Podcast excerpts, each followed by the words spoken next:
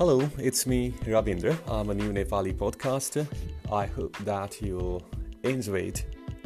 Your suggestion, feedback are always welcome. I prefer Nepali and English language to make podcast.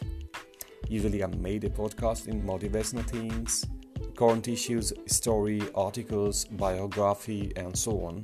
And personally, I really like podcast. I used to listening from a long time.